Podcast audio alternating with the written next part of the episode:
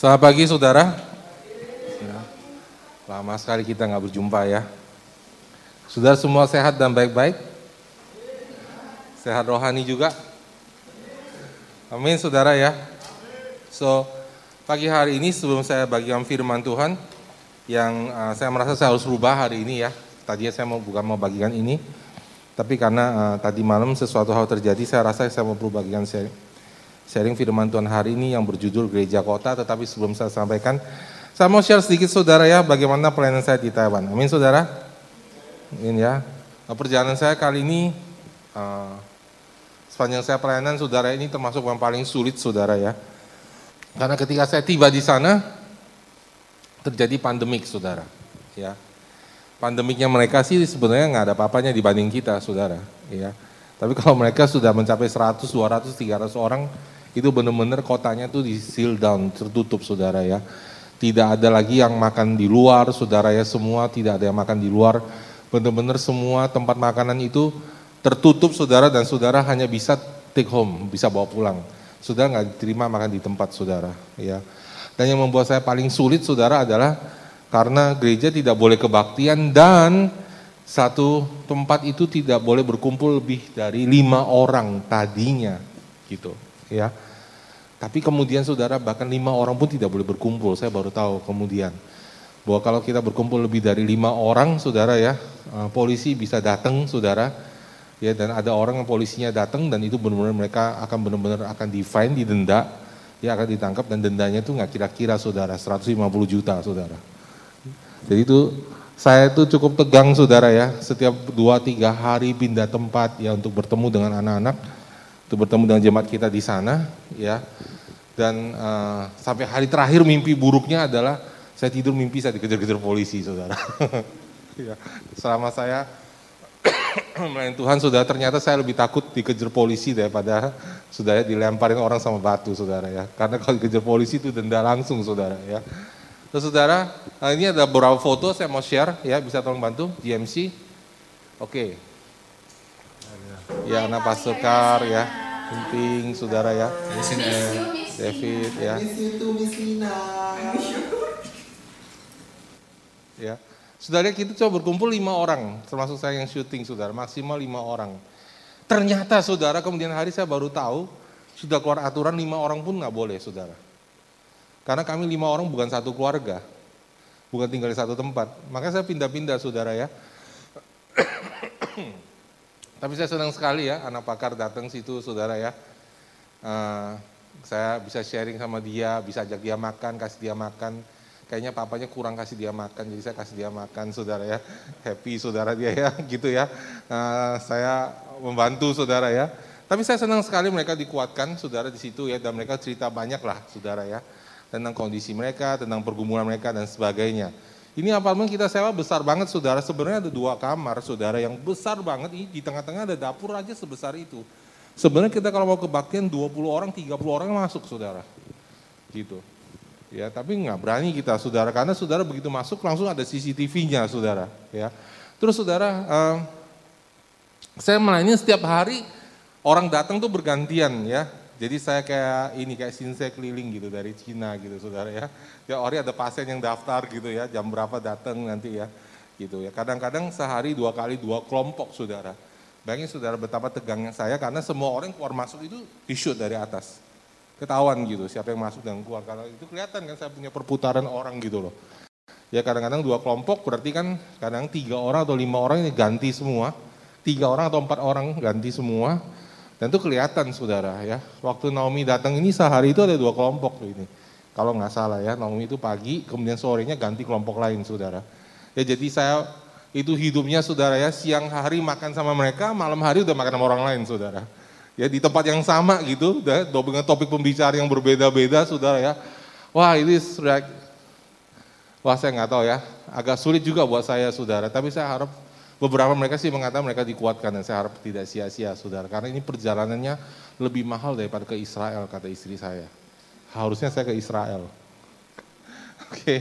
ya next saudara. Ya, ah ini perjalanan kemudian saya dibawa pastor uh, Victor ke Hualien saudara ya. Ini kita lewat terowongan gunung, saudara. Jadi banyak terowongan di sini. Dan ini ada terowongan yang paling panjang, 13 km. Di dalam gunung, saudara. Ya, jadi dia berjalan lewatin gunung, dia tembus dari Taipei ke uh, Hualien. Hualien itu kota kecil, kalau saudara nanti buka peta, kalau saudara punya hati misionaris, ya saudara buka peta, saudara. Amin ya, buka peta saudara, lihat Hualien itu di bawah, di bawah kita tembus. Nah di Hualien itu tuh daerahnya adalah daerah uh, wisata, pertanian, perkebunan ya. Dan ini Pastor Victor ini teman yang baik banget saudara ya. Sebenarnya saya ke sana saya mau kunjungi gereja dia. Kita udah seneng tanggal 6 saya mau kunjungi gereja dia adalah gereja dia akan merayakan misionaris hari pertama saudara, kali pertama. Tapi karena pandemik itu gagal saudara. Saya kemarin malam Pastor Michael tanya, telepon, saya tanya, Pastor Mike kenapa ya Pastor, setiap kali saya datang ke mana pandemiknya bertambah. saya ke Taiwan, dia ikut ke Taiwan, saya pulang dari Taiwan, Taiwannya berkurang, saya Indonesia, Indonesia naik saudara ya. Gitu ya, begitu saya balik Taiwan langsung turun saudara ya, teng gitu ya saudara ya. Pastor uh, Michael menghibur, Pastor katanya seorang nabi dan apostle datang itu membawa pesan Tuhan dan peringatan Tuhan biar jemaat, biar orang kota gue bertobat. Whatever lah pokoknya saudara ya. Saya mau datang bawa kehidupan bukan kematian saudara. Oke. Okay? Nah saudara jadi kita 13 km pastor uh, pastor um, Victor itu khusus rupanya khusus undang saya hanya untuk bersekutu. Nah kenapa di Hualien? Karena di Hualien itu selain dia merintis jemaat, di Hualien itu kota kecil, jadi dia sewa satu rumah, nanti sudah lihat ya, itu di tengah-tengah persawahan, ya perkebunan gitu, supaya kita bisa, ini bukan rumahnya, ini gerejanya, ini gereja dia di Hualien saudara, ya. Ini gereja dia yang baru di Hualien, dia beli sama gedungnya, itu tanahnya mungkin, uh, ini jauh lebih kecil dari gedung kita saudara, ya mungkin nggak ada setengahnya saudara, ya kurang lebih mungkin 600 meter tanah ininya bangunannya atau berapa saya lupa. Harga tanah di situ saudara di kampung itu 2 juta per meter. Udah paling murah saudara. Jadi gedung ini tidak lebih murah dari gedung kita saudara. Gitu. Ya di situ seperti itu saudara ya. Nah saudara jadi dia ngajak saya saudara untuk bertemu hanya untuk bersekutu dan dia sewa satu tempat tinggal untuk dia ketemu sama saya saudara. Jadi dua hari kita ngobrol aja saudara ya. Kita ngobrol dan sebagainya. Kenapa dia dia ajak ke Hualien? Karena di situ tuh sepi. Jadi kita bisa kumpul bertuju gitu saudara ya. Dengan harapan polisi tidak datang saudara ya. Jauh-jauh dari polisi dan yang punya rumah sewanya mau. Malam hari kalau kita tidur cuma berempat saudara ya. Saya Kenneth, eh, satu kamar, pastor dan istrinya satu kamar. Yang tiga orang saya nggak tahu pergi ke mana saudara ya. Jadi hidupnya itu benar-benar kayak di bawah penganiayaan saudara. Ya, saya nggak tahu mereka ke mana. Pagi-pagi kita bertuju kumpul di situ, makan, ngobrol, dan hanya ngobrol aja saudara. Dan itu saudara ya, gerejanya itu luar biasa banget saudara. Ya, luar biasa banget. Memang pastornya gayanya itu gayanya uh, militer, militeristik ya cara melatihnya. Karena dia dulu tentara saudara ya, tapi ya saya salut saudara karena kita bilang dari buahnya kamu tahu pohonnya kan saudara. Ya, jadi saya karena saya nggak tahu bagaimana proses, saya mau lihat pohonnya, saudara. Eh, saya mau lihat buahnya. Dan saudara mereka adalah baru mulai kebaktian online, saudara. Ya kita udah kebaktian online satu tahun, mereka baru mulai kebaktian online dan mereka berusaha mengatur semuanya dan sebagainya, saudara. Dan luar biasanya, saudara, kebaktian online mereka waktu mereka nonton TV di rumah, saudara. Mereka waktu menyembah berdiri, saudara. Wow, itu buat saya salut sekali dan semua saya lihat di situ berdiri Ya sudah bisa lihat.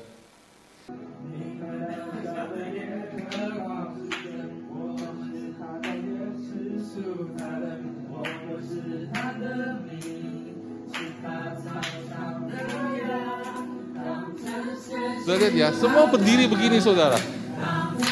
Jadi nggak ada di rumah yang, yang nonton online tidur tiduran saudara. Ya, itu luar biasa sekali loh saudara. Ya, semua begitu saudara ya. Ini rumah yang disewa saudara ya buat kita.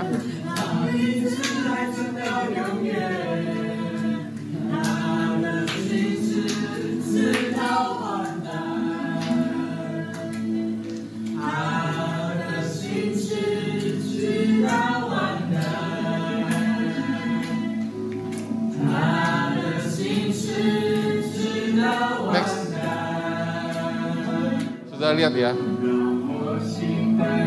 Sampai ibu-ibu bawa bayi saudara berdiri saudara menyembah.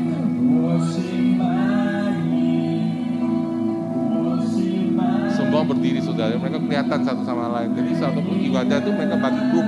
Ini satu sel grup saudara isinya. Satu sel grup. Nah saudara lihat ya, hebatnya saudara ya, Nisa ya. Saudara lihat ya, waktu menyembah begini aja saudara, nangis dia saudara. Ya. Nangis saudara yang laki itu, saya shoot itu saudara ya, keluar air matanya saudara. Padahal nyembahnya itu cuma online saudara ya. Luar biasa sekali saudara radikalnya saudara. Luar biasa bukan? Amin. Ya, setelah kita selesai dari sana, kita sharing, kita cerita dan sebagainya ya. Kemudian uh, sharing sama pastor beberapa hal kami sharing. Terus pulang dari sana, saudara ya nggak lama kemudian saya harus pindah ke kota, saya mau ke kota uh, Taichung karena di Taichung tuh kita ada dua orang kita di sana, saudara ya. Jadi saya ada janji orangnya bertobatnya sungguh-sungguh dan haus dan dia coba ke gereja gereja Indonesia yang lain di Taichung dia merasa nggak cocok, saudara. So aku datang ke situ, aku kunjungin dia untuk menguatkan dia. Jadi kita naik kereta cepat ini saudara ya. Taichung itu jaraknya mungkin dari sini ke Bandung kayaknya lebih sedikit ya ke Bandung mungkin. Ya naik kereta cepat 300 km per jam jaraknya 45 menit sudah sampai saudara. Ya ini kereta cepatnya saudara ya. Uh, sepi semua saudara ya. Gak perlu di sosial, social distancing, nggak ada yang mau naik kereta saudara jadi tinggal saya saya pakai aja saudara. Ya, orangnya sedikit banget saudara. Ya. Next, ini pertemuan kami terakhir. Saya kepingin sekali ketemu semuanya saudara. Ya. So, jadi kami putuskan kami akan ketemu di taman. Karena di taman boleh berkumpul maksimal 10 orang satu kelompok. Itu pun nggak boleh deket-deket. Ya orang Indonesia saudara tahu kan susah disuruh menjauh gitu. Jadi saya datang sudah lihat ya, dia itu duduk kita tuh berkelompok sudah jebak kita semua. Ya, ya. Saudara itu itu jemaat kita semua sudah berkelompok gitu saudara.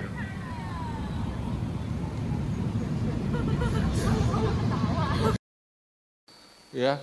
Dan itu kita foto ini saudara, kita naik ke atas, itu ada anjungan, kita naik ke atas karena di atas itu kosong, kita foto saudara, ya. Itu aja cepet-cepet karena kita bilang, "Pak, Pak, ada orang fotoin kita, ada orang shoot kita, saudara ya." Sampai saya tegang gitu ada mobil polisi lewat gitu, saudara. Ya karena ada orang ngeliatin kita, saudara. Orang Taiwan itu peka sekali, saudara. Kalau saudara ngumpul-ngumpul gitu dilaporin, saudara. Ya. Saudara cari gara-gara, nggak kayak kita di sini, saudara. Ya, kita ngumpul-ngumpul siapa yang berani larang gitu kan, gitu ya. Terbalik di sana, jadi nggak perlu nggak perlu kayak kita, saudara, karena mereka mengerti banget bahayanya pandemik ini. Begitu saudara merebak, itu begitu dia pecah di angka 100, saudara ya. Itu hari kedua apa hari ketiga saya di situ langsung jalanan yang paling besar itu kosong, saudara Ya. Waktu saya ke sana saya di karantina di hotel saudara ya. Saya lihat dari atas kosong saudara, jalannya sepi banget itu jalan utama. Waktu saya balik ke Indonesia di karantina di Gajah Mada yang juga jalan utama di Jakarta, rame macet saudara. Ya, pada angkanya udah 9000 kita. Macet saudara. Ya. Jadi eh, terbalik sekali kebudayaan dan kebudayaan itu berpengaruh sekali saudara ya. And next, ini seperti ini saudara, counselingnya maksimum lima orang. Ini sebenarnya dua shift ini saudara ya shift pertama dan shift kedua lagi berganti. Ini mereka counseling pribadi berdua-berdua, saudara. Ya. Jadi ini menjelang ganti shift. Dan ini apartemen yang berbeda, saudara. Kita pindah tempat, saudara. Ya, ganti shift, saudara. Ya, next. Nah ini di Taichung ini, saudara. Ya, kita ke Taichung, kita ke sana, saudara ya. Sebenarnya hari pertama saya ke sana, kita mau ajak mereka datang, saudara. Ya ampun, yang punya apartemennya berkantor di depan apartemen kita gimana bawa orang masuk gitu saudara. Bisa dilaporin saudara kalau saudara berdua gitu. Akhirnya hari kedua kita baru minta izin, kita bilang kita bertamu, kita yang tinggal di sini empat orang hari ini. Dan mereka kasih harga yang sama, kita nginep satu hari lagi. Baru ketemu mereka, kita ngobrol saudara ya. Taichung itu adalah kota di mana jumlah orang Indonesia terbanyak. Bahkan ada satu taman di mana setiap minggu kalau saudara ke sana, itu kumpulannya orang Indonesia. Oke, okay? dan kalau sudah jual sambal di situ pasti laku ya pasti laku saudara ya. Jadi saudara kalau ke sana saudara ya, berbeda dengan kita, saudara mau ke sana, saudara mau di taman, tengah-tengah situ main gitar, teriak-teriak Injil, nggak apa-apa. Ya, saudara mau ngomong Yesus Tuhan, kamu kalau nggak bertobat, kamu mati masuk ke neraka apa itu nggak apa-apa, sudah. Ya. Jadi sebenarnya banyak sekali kesempatan penginjilan di situ luar biasa, saudara ya. Nanti kalau dari pandemi kita mau coba, saudara. Kita tengah-tengah kita nyanyi di situ di taman, ya. Coba-coba kayak itu. Sudah tertarik? Amin. Pingin pergi nggak? Pingin nggak, saudara? Amin, saudara ya. Masih muda, masih punya, masih punya spirit yang adventurous, ya, punya roh yang mau berpetualang sama Tuhan. Amin, saudara. Ya, saudara bisa, saudara lebih muda dari Pak Step. Amin saudara. Ya. So saudara, tadinya saya mau share sama, sama saudara bagaimana Tuhan uh, mau saya mau share sama saudara apa itu gereja apostolik dan bagaimana kita bisa sampai pergi ke bangsa-bangsa. Ya. Bagaimana sih caranya supaya kita punya mimpi itu bisa menjadi kenyataan, saudara? Saudara punya mimpi, saudara harus tahu cara-caranya dan jalan-jalannya supaya panggilan Tuhan itu terjadi dalam hidup kita. Ya, tadinya mau saya mau share itu, saudara. Ya. Tapi tadi malam, tadi pagi, Pastor, Pastor Michael telepon, gitu. Ya. Pagi-pagi telepon, saudara ya.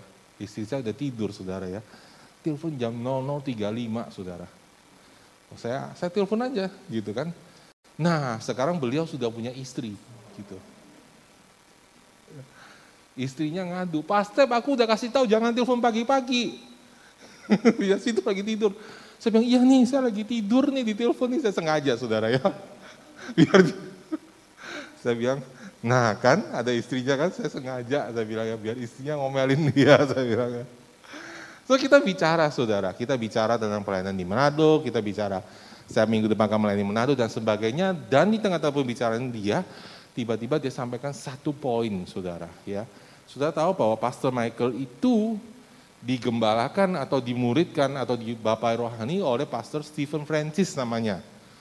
Ya, Pastor Stephen Francis ini uh, warga negara Singapura, keturunan India, saudara. Ya, dan dua minggu yang lalu waktu dia ke US, dia mendapat penglihatan dia dia bernubuat. Menurut saya sejauh ini gerejanya oke, okay, karena saya belum pernah ketemu Pastor Stephen Francis secara pribadi, tapi Hah? Oh pernah, pernah.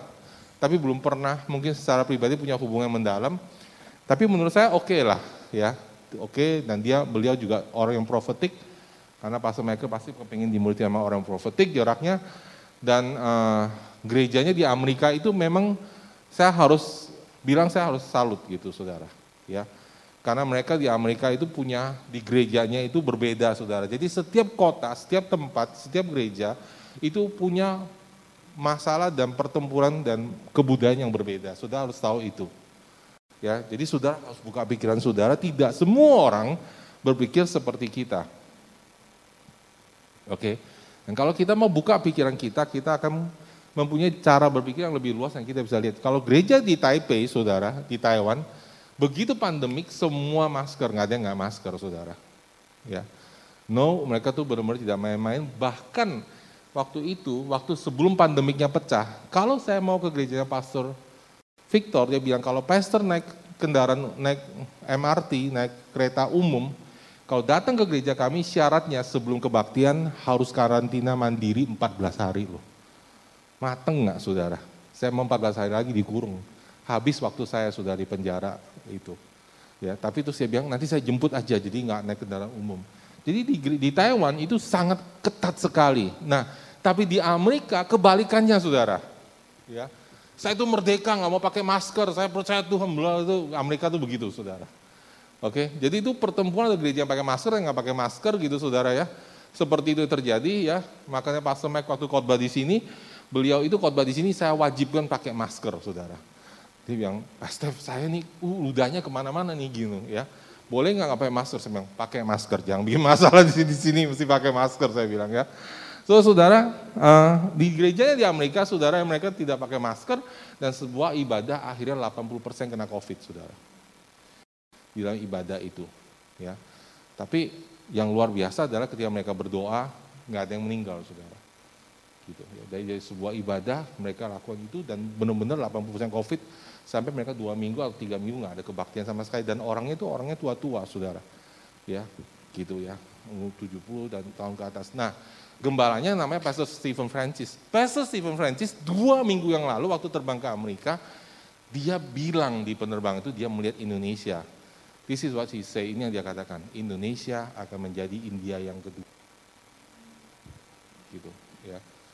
Sudah tahu apa yang terjadi di India kan? Ya. So he say, Indonesia akan menjadi India yang kedua.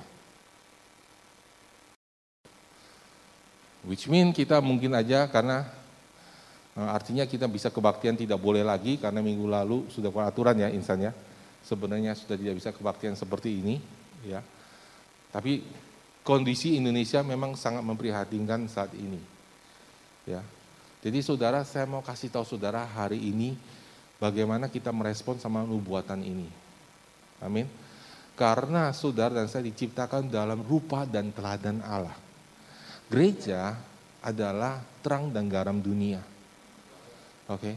Ketika nubuatan disampaikan, orang menjadi ketakutan jika kita tidak mengerti apa maksud dan tujuan Allah dan panggilan Allah dalam hidup kita. Gereja tidak pernah ditentukan oleh Allah untuk mengambil bagian dari dunia ini. Amin. Kita tidak pernah dipanggil oleh Allah untuk mengambil kekayaan dengan cara dunia. Kita kita akan diberkati, kita bukan mengambil kekayaan dengan cara dunia. Kita bekerja, tapi kita tidak banting tulang. Amin. Ya, kita bekerja rajin sama banting tulang itu beda, Saudara. Ya, sudah tahu banting tulang? Tulang dikeluarin dibanting-banting. Enggak begitu, Saudara. Saudara tidak boleh ngoyo, Saudara. Tapi saudara harus rajin tapi juga percaya sama Tuhan. Itu berbeda, Saudara.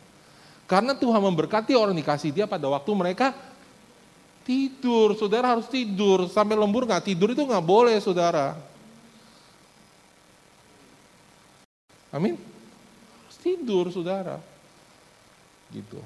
Jadi kita ini gereja Tuhan itu tidak ditetapkan untuk mencari kekayaan dengan cara duniawi. Nah kita akan diberkati, tapi caranya berbeda. Makanya kalau anak Tuhan coba-coba nakal kayak orang dunia, ya nyalip sana, nyalip sini, ya. Tilep sana, tilep sini, saudara. Anehnya kalau anak Tuhan, sudah perhatikan kalau dia benar-benar mengasihi Tuhan, gepeng dia saudara hidupnya kayak gitu. Berantakan saudara. Tapi orang dunia fine-fine aja, nggak ada masalah. Dia mau curang kayak, dia mau bohong kayak, dia mau sikat saudara kayak, dia baik-baik aja, dia malah naik pangkat saudara. Tapi saudara yang yang benar sedikit tuh saudara kalau salah dikit tuh sama bos saudara tuh digituin saudara. Kenapa saudara? Karena karena kita tuh dijaga oleh Tuhan, saudara. Kita tuh nggak diizinkan hidup seperti mereka karena kita punya tujuan yang kekal. Nah kalau anak Tuhan nggak ngerti itu, saudara malah bilang, enakan yang nggak ikut Tuhan dong ya kok mereka lebih fly, lebih tinggi ya. Ya saudara mau fly kayak gitu, akhir hidupnya di neraka, saudara mau. Pernah mikir nggak akhir hidup mereka seperti apa? Pernah mikir nggak bahwa hidup kita di sini cuma 80-90 tahun. That's it. Di sana selama-lamanya saudara. Pernah lihat nggak saudara ketika orang menjelang ajal bagaimana hidup mereka itu ketakutan karena semua itu seperti akan hilang segera. Dan saudara dan saya punya pengharapan kekal. Kita tahu ke mana kita pergi. Amin saudara. Ya, kita tahu saudara. Dan itu lebih penting dari semua uang saudara, karena semua uang saudara bisa membeli beberapa hal, tapi justru saya mau kasih tahu saudara, hal yang paling kekal di dunia ini nggak bisa dibeli dengan uang. Betul nggak? Kasih, kesetiaan, kebenaran, nggak bisa dibeli dengan uang. Sudah nggak bisa bayar uang untuk orang itu jatuh cinta sama saudara. Karena kalau sudah bayar uang, dia jatuh cinta, pasti cinta sama uang saudara Bukan sama saudara. Hal-hal yang paling mahal di dunia ini, yang paling kita inginkan sebenarnya, justru itu uang tidak bisa membeli. Cuma orang nggak sadar itu saudara. Nah karena kita tidak ditetapkan oleh Allah untuk mendapatkan dengan cara dunia, di sisi lain saudara, kita juga tidak ditetapkan Allah untuk dihukum bersama-sama dengan dunia.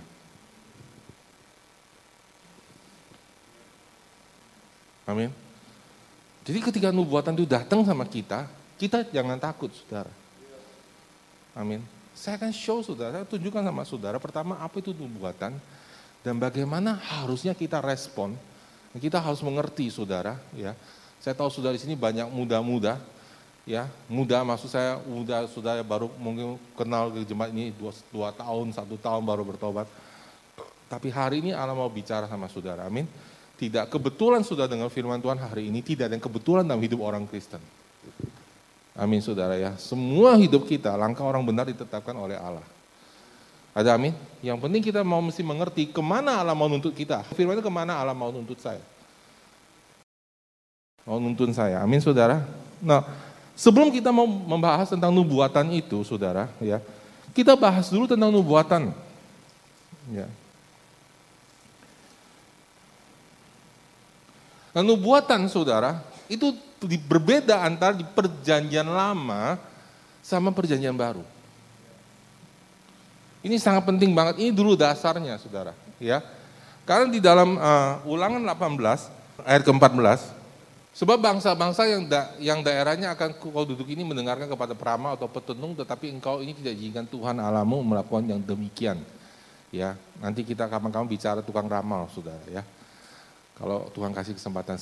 Terus ayat ke-15, seorang nabi dari tengah-tengahmu, dari antara saudara-saudaramu, sama seperti aku akan dibangkitkan bagimu oleh Tuhan alamu. Dialah yang harus kamu dengarkan. Ayat ke Tepat seperti yang kamu minta dahulu bahwa Tuhan alamu di Gunung Horeb pada hari perkumpulan dengan berkata, tidak mau aku mendengar lagi suara Tuhan alamu, alaku dan api yang besar ini tidak mau aku melihatnya lagi supaya jangan aku mati. Ayat ke-17, lalu berkata Tuhan ke, kepadaku, apa yang dikatakan mereka itu baik. Seorang nabi akan kubangkitkan bagi mereka dari antara saudara mereka seperti engkau. Aku menaruh firmanku dalam mulutnya dan ia akan mengatakan kepada mereka segala yang kuperintahkan kepadanya. Ayat 19, orang yang tidak mendengar segala firmanku yang diucapkan oleh nabi itu demi namaku daripadanya akan kutuntut pertanggungjawaban. Tetapi seorang nabi yang terlalu berani untuk mengucap demi namaku perkataan yang tidak kuperintahkan untuk dikatakan olehnya atau yang berkata demi nama Allah lain, nabi itu harus mati. Titik sampai situ. Jadi saudara lihat di perjanjian lama, nabi ini saudara adalah pembawa firman Tuhan. Apa yang Tuhan apa yang nabi ini katakan adalah apa yang Tuhan katakan. Karena di dalam perjanjian lama, Roh Kudus tidak tinggal di dalam diri kita, saudara. Roh Kudus itu adanya di luar. Ya. Jadi kalau ketika saya mau tanya sesuatu tentang Tuhan, saya nggak bisa datang kepada Tuhan sendiri. Saya kan datang, misalnya insan nabi, saya kan datang kepada nabi insan, ya, yang di bawah pohon kurma, ya, sedang main jangkrik mungkin saudara ya. Lalu saya minta Nabi Insan, Nabi Insan tolong tanyain Tuhan apa yang sedang Tuhan katakan kepada saya tentang saya. Karena apa yang Nabi Insan katakan itu adalah yang Tuhan katakan. Maka selalu di perjanjian lama, kalau sudah baca Alkitab dibilang, lalu datanglah firman Tuhan. Firman Tuhan itu datang dari luar, saudara. Di perjanjian baru tidak begitu, saudara perjanjian baru roh kudus akan tinggal di dalam diri engkau dan dia akan mengajar engkau. Ini kita mesti ngerti banget saudara, supaya kita jangan terjebak kepada konsep nabi perjanjian lama. Kenapa perjanjian lama seperti itu? Karena mereka menunggu seorang nabi pengganti Musa, yang kalau di perkata mulutnya ada kehidupan dan kematian dan nabi itu adalah Yesus Kristus. Karena itu saudara, nabi itu tidak boleh salah ngomong. Kalau nabi itu boleh salah ngomong, tadi jangan terlalu berani saudara, nubuatannya salah, boleh dihukum mati saudara. Boleh dilempar batu. Gitu. Jadi nabi itu harus presisi banget dan jumlahnya jauh lebih sedikit saudara dibanding di perjanjian baru. Ya. Tetapi perjanjian baru mengatakan di dalam uh, eh, 1 Korintus 13 ayat 19. Sudah harus tahu ketika Nabi kita bicara Nabi perjanjian baru ini penting saudara.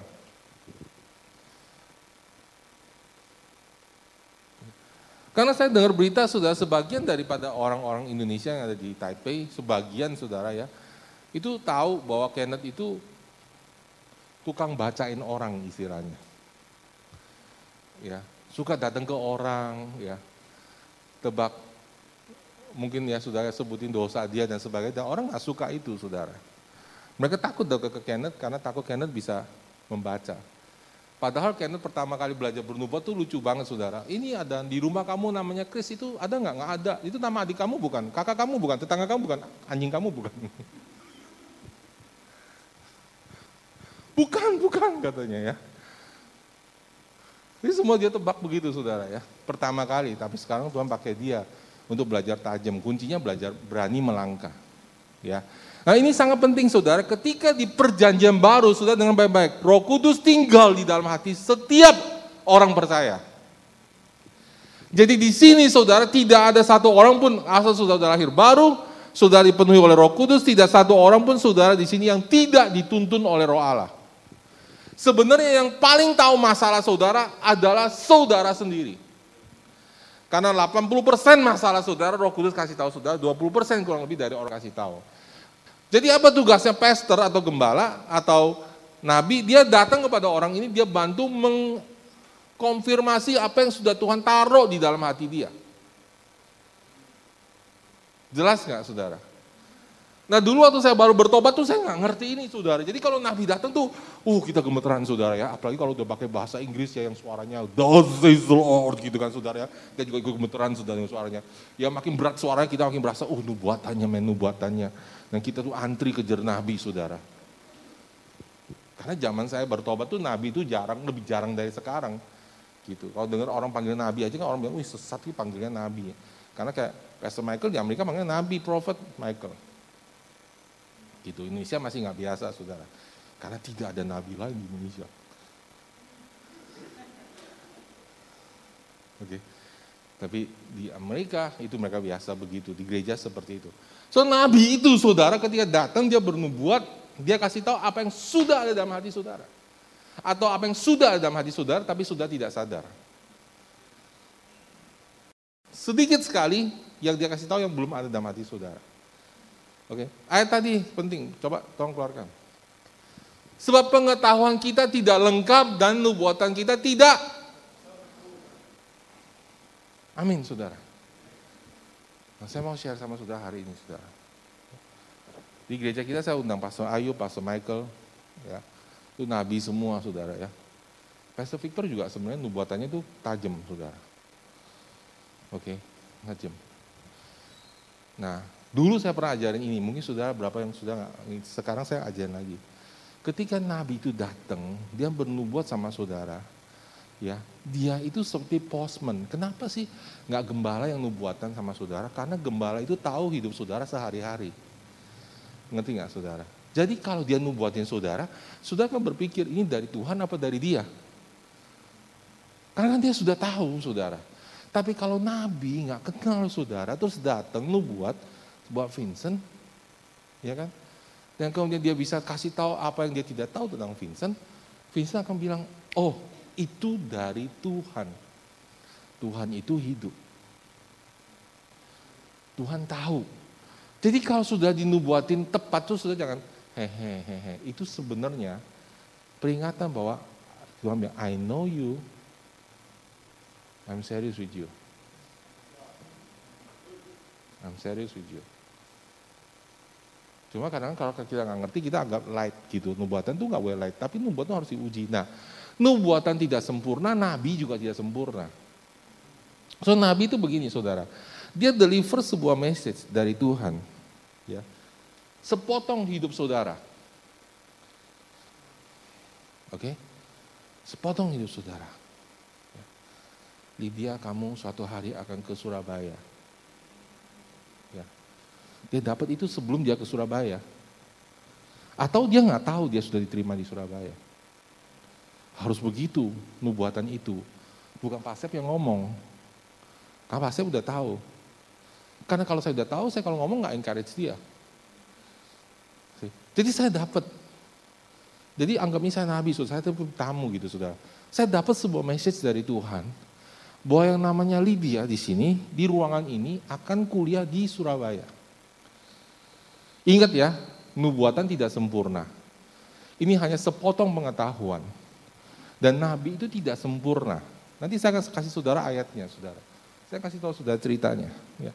Supaya saudara bisa tahu bagaimana merespon sama nubuatan itu. Amin. Ya. Terus saya datang kepada dia, teng teng teng gitu. Siapa yang namanya Lydia di sini? Ya kan? Ada berapa yang namanya Lydia di sini? Satu ya, oh puji Tuhan. Karena biasanya itu banyak di mana-mana ada saudara ya. Iya, gitu kan. Saya datang gitu. Saya datang, saya bernubuat. Demikianlah firman Tuhan. Kamu suatu hari akan ke Surabaya. Saya nggak sebut kuliahnya karena saya tidak tahu. Saya tidak sempurna. Saya kasih sepotong, pegang. Ini surat dari Tuhan, pesannya ini. Ya. Nah, jangan kamu nanya lagi. Maksudnya ini suratnya apa nih, Pastor? Yang mana saya tahu, saya kan tukang pos. Sudah ngerti nggak? Kalau dia tahu dia bukan nabi lagi, saudara. Dia tidak tahu, dia cuma tahu bla bla bla. Tuhan bilang di surat ini, kamu ke Surabaya, ya, gabung jemaat akal di sana. Jangan lupa kalau Pak Sep datang kasih makan. Selesai. Lebih dari itu dia nggak tahu.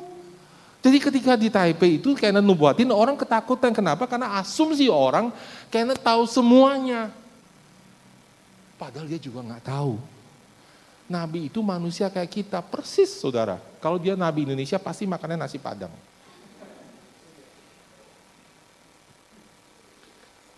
Dia nggak tahu.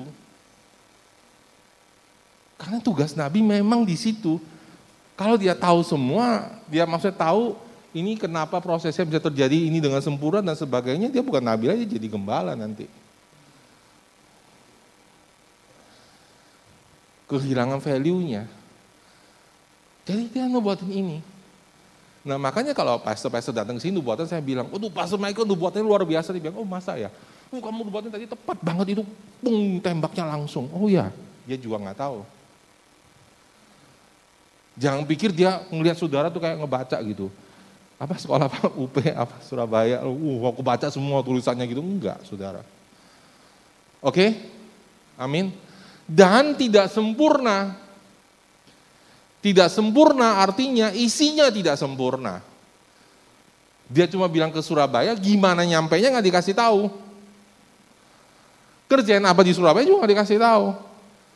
Dia cuma secuil, uh, secuil apa namanya, Peks, apa, puzzle dari hidup saudara. Ngerti nggak saudara?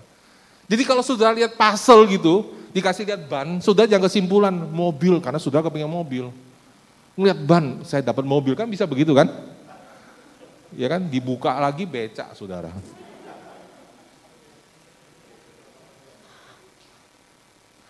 Salah tafsir saudara. That's why setiap nubuatan saudara you have to pray. Kau harus punya hubungan sama Tuhan karena pasal itu tujuannya melengkapi apa yang sudah kamu tahu. Jangan bingung sama nubuatan itu. Oke. Okay. Ya kan? Jangan tanya sama gembalanya, loh, eh jangan tanya sama nabinya, loh, saya saya saya ke Surabaya ngapain? Dia nggak tahu, saudara. Yang tahu, paling tahu saudara adalah pastor saudara. Kenapa? Karena pelayanan jabatan karunia gembala adalah orang yang menemani perjalanan rohani saudara. Oke, okay? pastor itu fungsinya itu kayak parents, kayak orang tua. Dia tuh temenin saudara sepanjang perjalanan gitu. Ya kan? Ya. Nabi datang gitu buat Vincent. Misionaris besar seperti Billy Graham. Wah, gitu kan? Kamu akan ke bangsa-bangsa, you speak many languages, banyak bahasa, ngerti nggak? Oke, ngerti ya. Uh, dia bangga kan pulang ke rumah kan, bangga gitu kan. Gila nih gua bangsa-bangsa nih. Ribuan orang kan kamu bawa dia pulang ke rumah, ya. Dia khotbah di atas nasi padang. Kamu, kamu, kamu bertobatlah. Ya. Datanglah orang tuanya kan. Orang tua itu seperti gembala, saudara. Vincent, piring bersihin. Ma, aku nggak bangsa-bangsa, nggak mau tahu. Bersihin piringmu dulu. Jangan bicara bangsa-bangsa sama mama papa ya. Beresin piringmu dulu. Piring aja nggak beres mau ke bangsa-bangsa kamu. That's pastor. Sudah tahu nggak bedanya sekarang? Fungsinya. Ya, pastor kadang-kadang dia tidak bisa melihat sejauh nabi lihat. Karena memang panggilannya bukan di situ. Oke. Okay? Maka pastor lebih detail sama saudara untuk urusan hidup saudara sehari-hari. Gitu. Kalau pastor, dia nggak akan terkesima dengan panggilan Oh, oh saya ini luar biasa loh pastor, saya ini luar biasa. Kenapa Vincent saya ke bangsa-bangsa? Yang lain juga bisa, nggak cuma kamu. That is pastor. Gitu. Ngerti nggak saudara? Nah, Nabi itu dia begitu dan dia tidak tahu semuanya. Karena itu nubuatan harus diuji.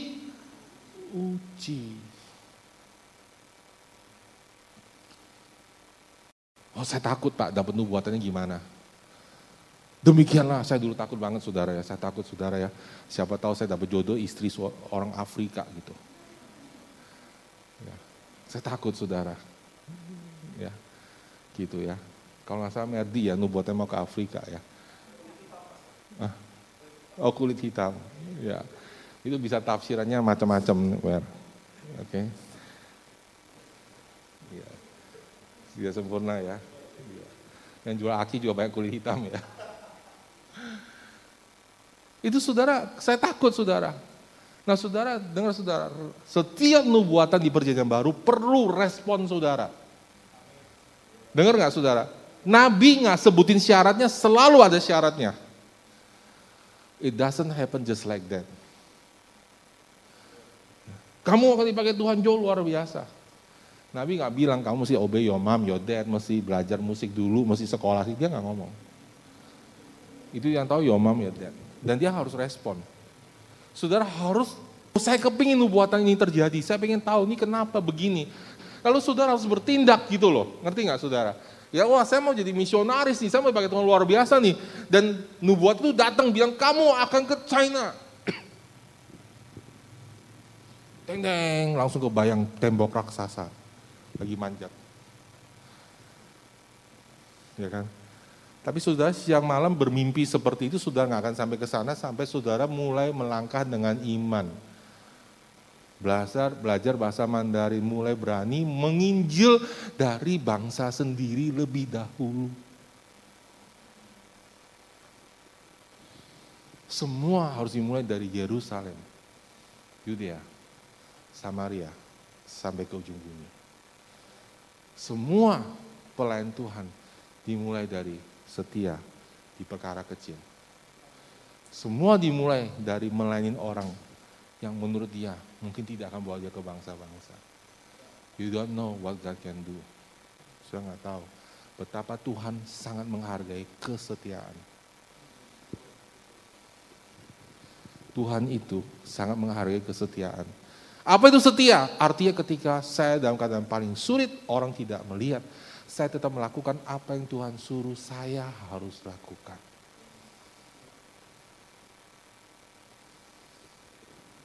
Amin. Banyak anak muda kalau udah putus cinta bingung saudara. Apa yang saya harus lakukan? Ya. Dulu saya pertama kali sama usian istri saya, dia putuskan saya saudara. Ya. Gitu saudara. Saya bilang saya mau ke Lampung aja jadi misionaris. Pelariannya tetap jadi misionaris saudara. Rohani saudara. Maksud saya saudara, banyak orang tuh bilang, oh, saya nggak mau layani Tuhan lagi, saya nggak. Apa itu urusannya saudara panggilan Tuhan dalam hidupmu? Halo. Gak ada urusannya. Justru karena saya mau memenuhi panggilan Tuhan dalam hidup saya, maka calon istri saya, istri saya sekarang harus ikut saya memenuhi panggilan Tuhan dalam hidup. Dan jika saya putus sama dia waktu itu, kemudian saya tidak mau melayani Tuhan, saya bilang, saya mundurkan diri melayani Tuhan karena sekarang saya putus cinta, then you are not qualified. Sudah nggak memiliki kualifikasi untuk di lapangan penginjilan nanti. Gitu. Karena di misionaris itu tantangannya banyak, penginjilannya eh, banyak saudara. Gitu. Kalau sudah nggak yakin pasangan sudah bisa nemenin saudara, sudah mau ke mana ke bangsa-bangsa nggak bisa saudara. Di situ banyak sekali pertemuan rohaninya, banyak sekali godaannya, saudara. Lebih banyak lagi, saudara. Lebih banyak lagi tekanannya, saudara. So, harus, saudara, harus memenuhi kualifikasi, amin. Baru bisa sampai kepada panggilan hidup saudara. Itu syarat, syaratnya tidak pernah berubah. Saudara harus setia. Apa yang Tuhan suruh saudara lakukan, kerjain aja Orang lain nggak kerjain nggak ada urusannya sama saudara kerjain atau tidak karena sudah kerjakan itu buat Tuhan. Dan saudara dibawa urapan Tuhan dan saudara itu dibawa panggilan Tuhan. Dan tidak pernah boleh ada orang menarik saudara keluar dari panggilan saudara. Itu prinsip kalau sudah mau dipakai Tuhan. No one, ya, saya boleh kecewa sama dia, sama dia, sama dia, but you cannot berdesak saya untuk saya tidak melakukan panggilan Tuhan kasih ke saya. Gitu. Kemudian saya memenuhi panggilan Tuhan. Dan kemudian saudara mulai tahu panggilan Tuhan dan nubuatan itu menguatkan saudara. Amin. Ya, so let's see sebuah cerita saudara di Alkitab. Ya, cerita ini menarik banget. Ya, oh ya, satu lagi satu Korintus 14 ayat 3. Ini penting saudara ya. Tetapi siapa yang bernubuat, ia berkata-kata kepada manusia, ia membangun, menasihati, dan menghibur. Ya, dan menghibur. Ya. Ada orang lucu banget nanya sama saya, Pak Step, saya bisa nggak bernubuat pada diri sendiri? Mana bisa, saudara? Kalau saudara ngomong pada diri sendiri, saudara bukan sedang bernubuat, saudara sedang membuat-buat. Ya. Sudah nggak bisa saudara ya, tapi sudah bisa confess iman mengenai apa yang saudara percaya. Itu adalah perkara yang berbeda saudara. Amin. Ya. Jadi siapa bernubuat yang berkata kepada manusia yang membangun, menasehati dan menghibur. Ya. Yang membangun, menasehati menghibur. Menasehati dalam termasuk koreksi saudara. Jadi bisa seorang nabi datang kepada saudara dengan koreksi, wah punya dosa ini, ini, ini. Bisa. Gitu. Itu bisa. Dan itu yang dilakukan kebanyakan di dalam penginjilan. Oke, okay? ya. Menasihati dan menghibur, itu isinya nubuatan. Oke. Dia walaupun dia menasihati, dia mengoreksi saudara, dia harus membangun saudara. Artinya saya bilang, insan kamu punya masalah begini-gini ini, tapi harus ada jalan keluarnya. Itu nubuatan yang benar. Dan nubuatan itu harus selalu membawa saudara lebih dekat kepada Yesus. Amin. Ya. So, saudara kita lihat sebuah cerita sudah di Alkitab tentang nubuatan dan bagaimana respon Paulus terhadapnya. Kisah Rasul 20 ayat 22. Kita bisa belajar banyak dari sini. Kisah para Rasul 20 ayat 22. Ya, Paulus bicara pada jemaat Efesus sebelum dia pergi. Nah, Paulus ini berbicara sesuai dengan apa yang Roh Kudus katakan kepada dirinya sendiri. Dengar saudara, jangan cari firman Tuhan dari nabi. Jangan cari suara Tuhan dari nabi. Saudara akan terpleset nanti. Gitu, ya.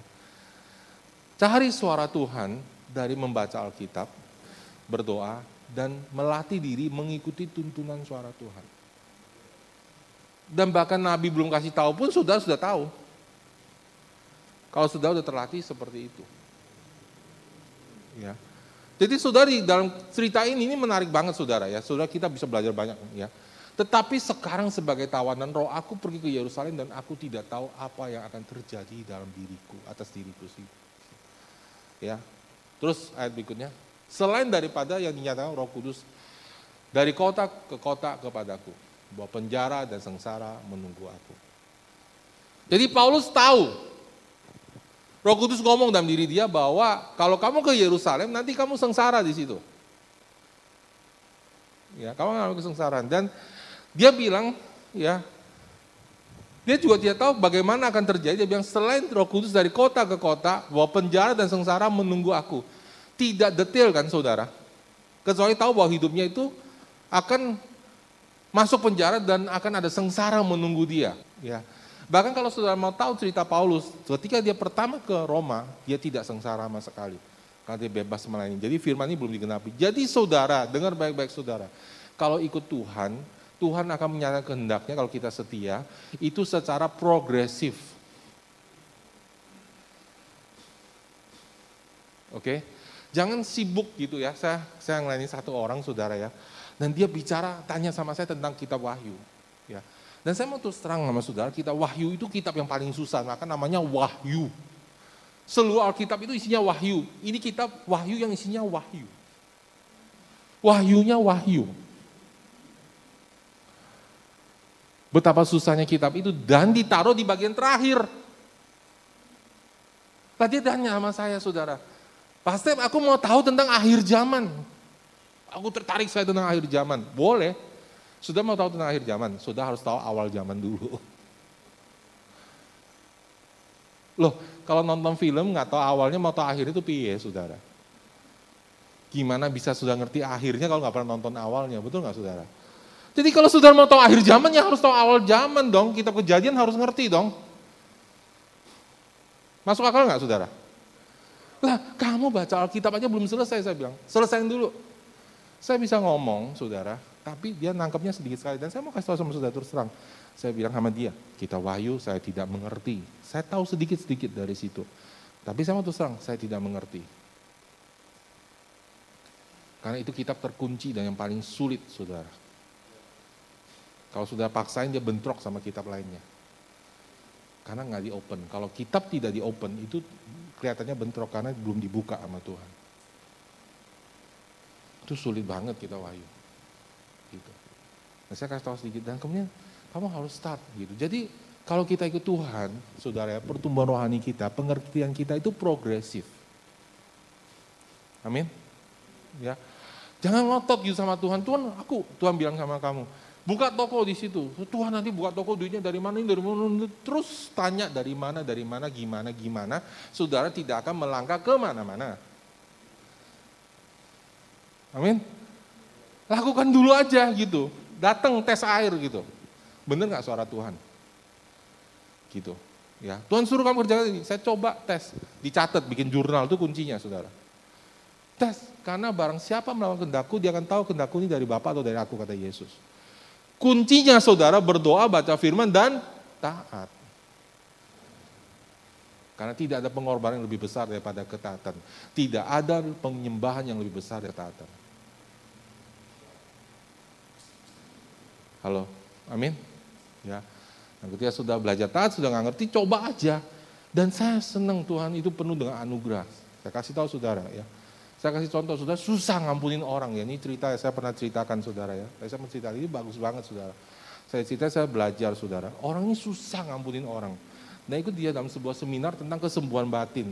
Dan di dalam seminar itu ditanya, kamu mau ngampunin papa kamu nggak? Mau nggak mau. Ngampunin mama kamu nggak mau. Dia nggak mau terus saudara. Lalu saudara, yang melayani dia ini dapat hikmat Tuhan. Gini deh, teman kamu yang paling culun, yang paling gampang kamu ngampunin. Siapa? Oh ada sih itu. Kesalahannya cuma sedikit. Kemarin nyenggol saya aja. Ampunin dia. Dia mulai ngampunin sudah dari yang paling gampang. Besoknya datang lagi seminar, ditanya lagi, ah hari ini ada nggak? Ada sih, si itu lebih sulit dikit. Tapi ya udahlah. Sudah tahu nggak? kurang lebih dua minggu mukanya berubah. Dia mulai bisa ngampunin orang. Sudah start small aja ikut Tuhan itu.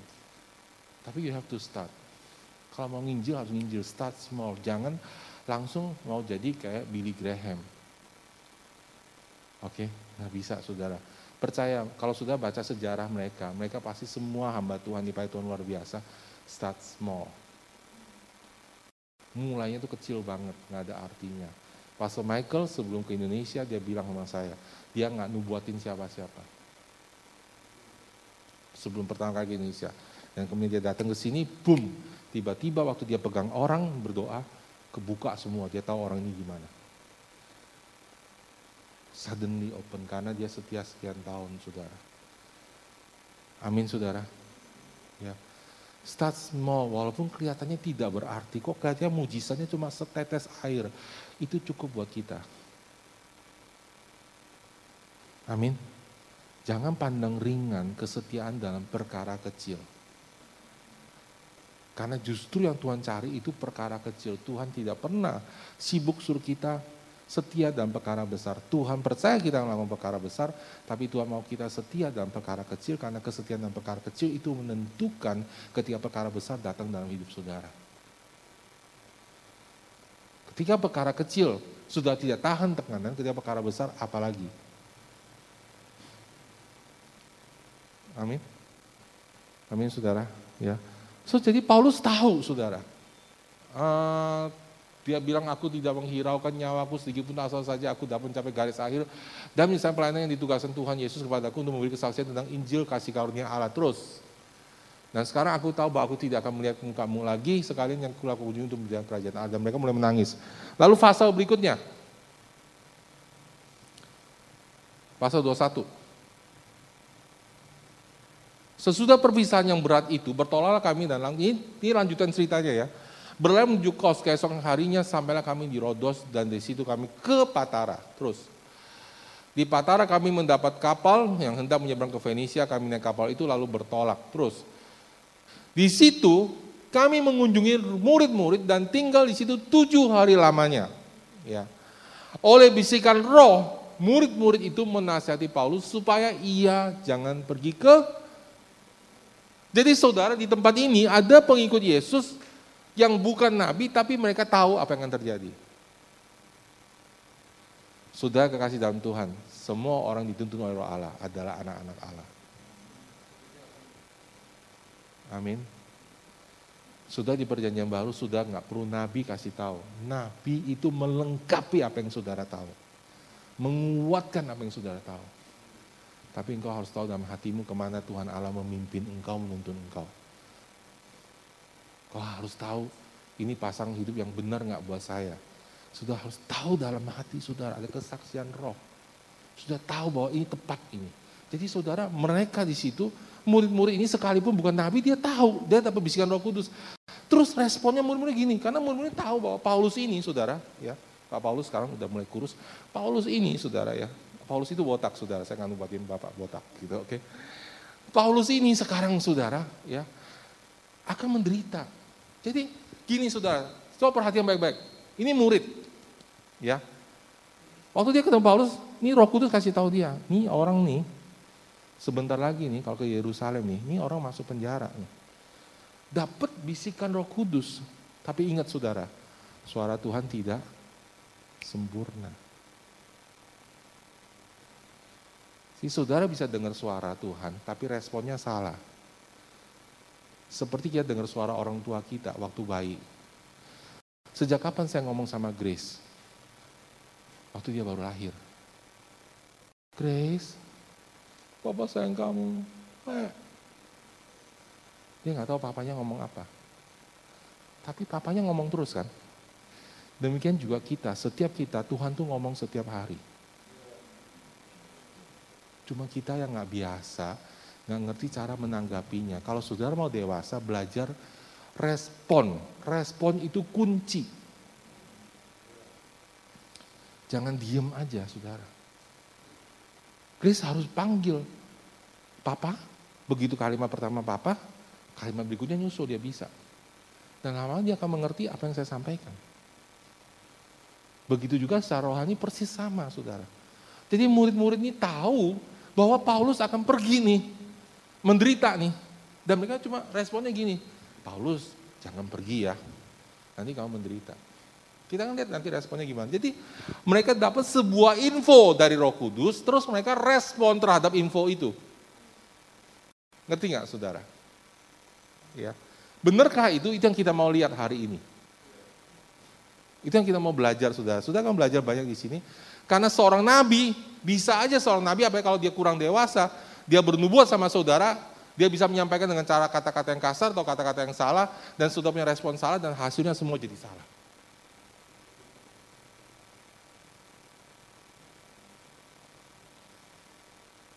Ini contohnya, saudara.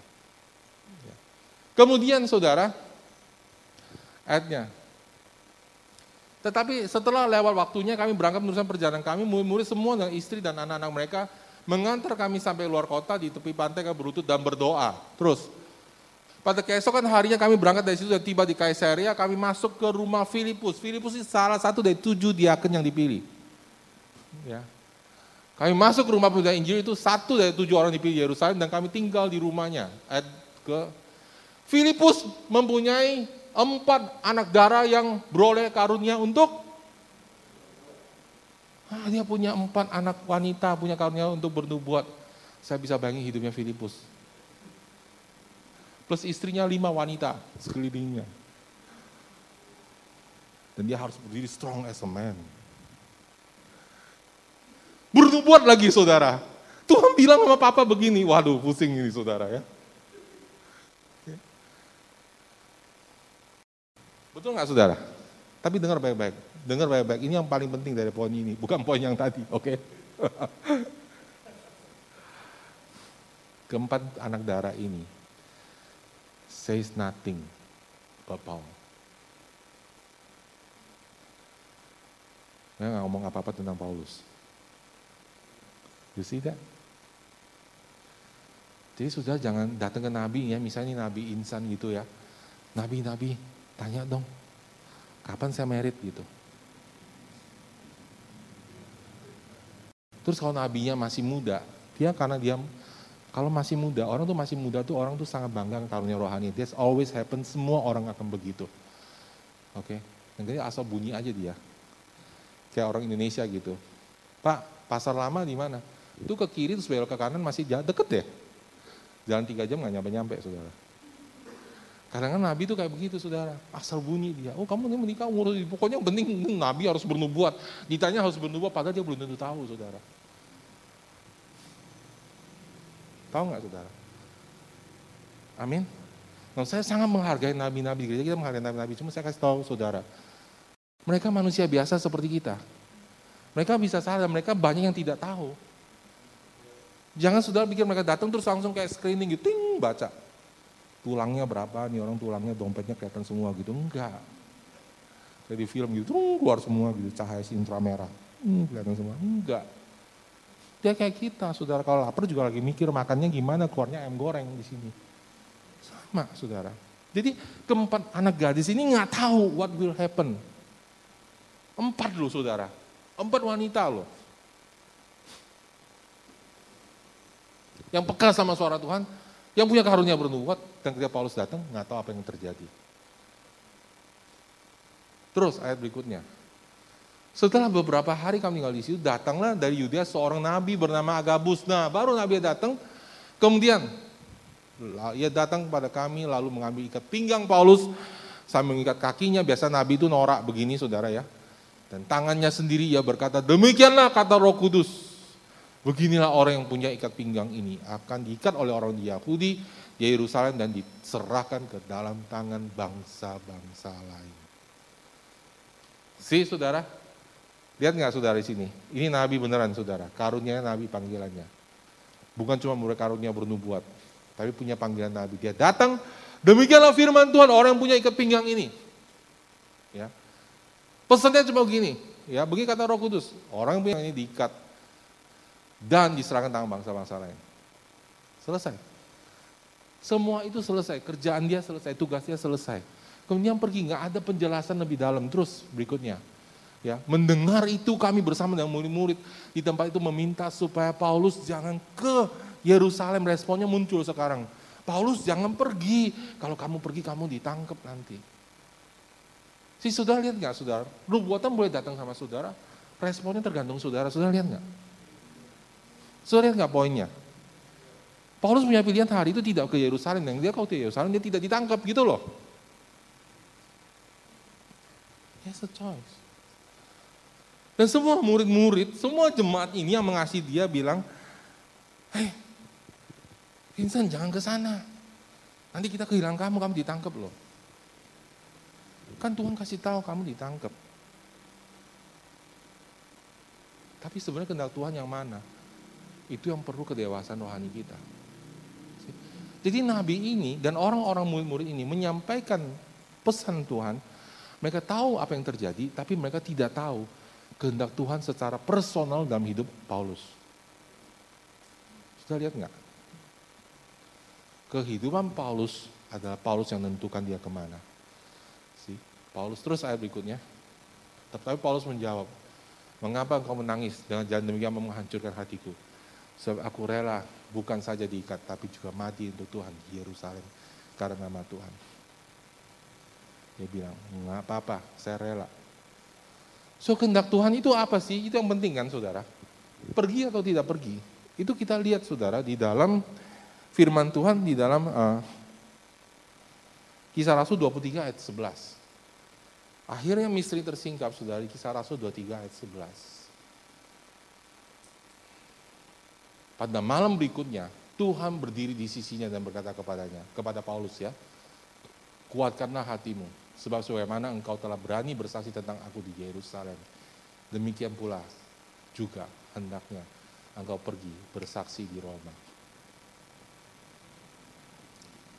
See, waktu Paulus mulai melangkah, Tuhan muncul lebih nyata lagi dalam hidup dia. Kalau saudara mulai melangkah, Tuhan akan muncul lebih nyata dalam hidup saudara.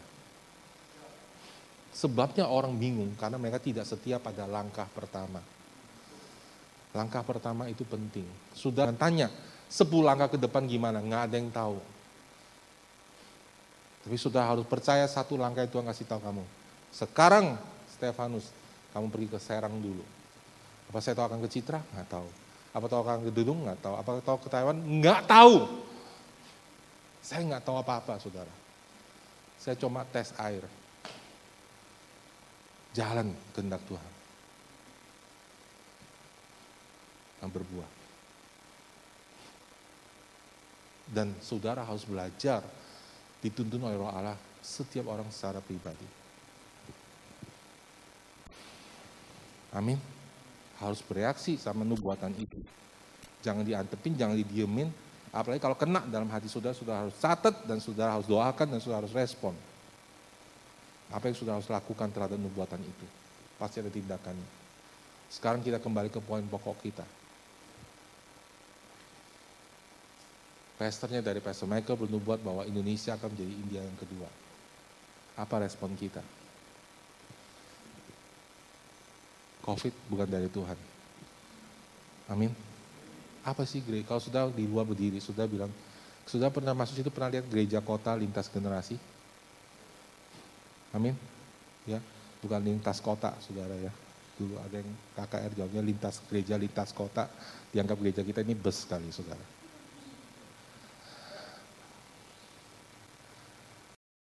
Gereja kota lintas generasi. Apa itu gereja kota, saudara? Di dalam setiap kota, listen saudara, banyak orang Kristen mereka datang nginjil, mereka berdoa keliling, tat, tat, tat, tat, tat, kemudian setelah itu mereka berdoa lalu mereka berharap revival terjadi, nggak akan terjadi sebelum saudara turun menginjil. Nah setelah menginjil saudara, tetap tidak akan terjadi apa-apa kecuali ada orang yang tinggal di kota itu, berdiri buat kota itu. Karena Tuhan melihat orang. Tuhan butuh orang. Saudara dan saya ini alatnya. Saudara dan saya Tuhan tanya, Vincent mau saya pakai nggak? Joe mau saya pakai nggak? Sarah mau saya pakai nggak? Tuhan nanya sama setiap kita, dan saudara harus suka rela menyerahkan diri saudara untuk dipakai Tuhan. Ketika saudara suka rela dipakai diri untuk Tuhan, sudah berdiri di tempat itu, kemudian urapan Tuhan turun, dan tempat itu, wilayah itu, orang-orang itu Tuhan akan berikan pada saudara. Gitu. Itu sudah jadi berkat buat mereka. Amin. Jadi saudara karena kita ada di kota, di kota Serang, kita gereja kota adalah gereja yang memegang kendali atmosfer kota itu. Di setiap kota ada penguasa rohaninya ada penguasa kuasa gelapnya. Saya ingat Ibu Rona waktu kita baru kali mulai di kota ini, saudara. Ibu Rona ada penglihatan ya, ada wanita yang pakai baju warna-warni dan lalu menguasai kota ini. Gitu. Ya. Sekarang kita mulai mengambil kota ini sebagian demi sebagian. Vincent bertobat, sebagian kita ambil. Itu membuat kacau rencana musuh. Ya, kita ambil satu persatu. Tapi kita belum merubah atmosfer kota ini. Untuk merubah atmosfer kota ini, kita harus menjadi gereja yang punya pengertian dulu. Ngerti apa itu gereja. Kenapa sih kita banyak gesekan saudara? Karena yang paling sulit itu menyatukan orang.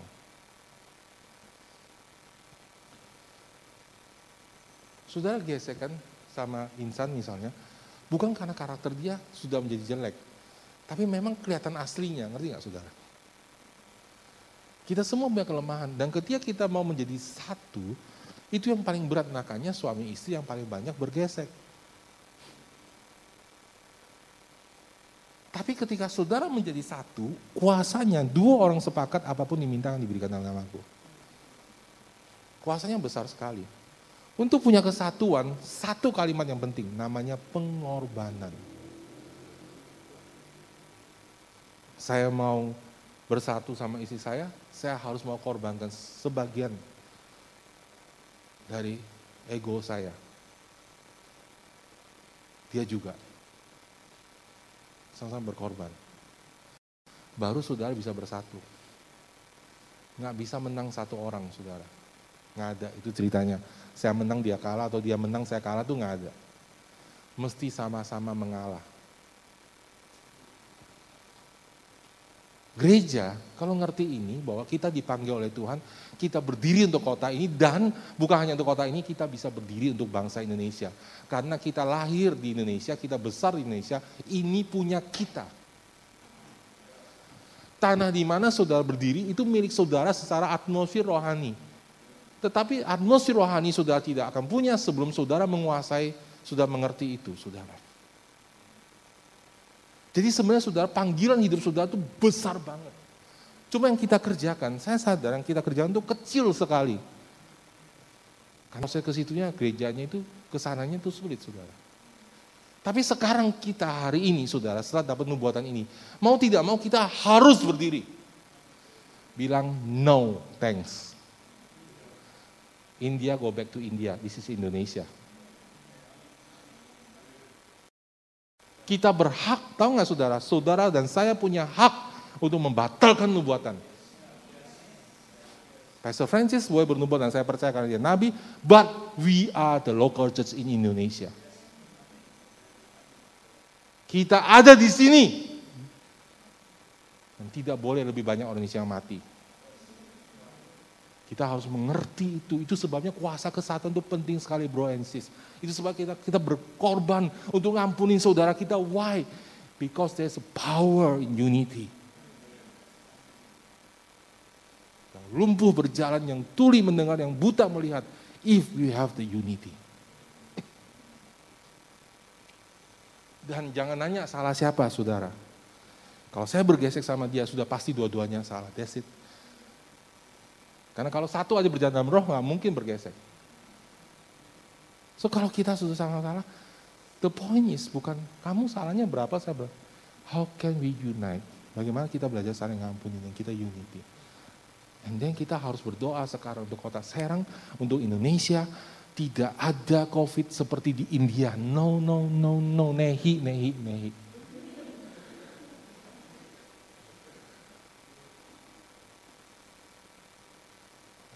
Nih, kita respon sama nubuatan itu sekarang. Justru kita percaya, saya say, no, sorry.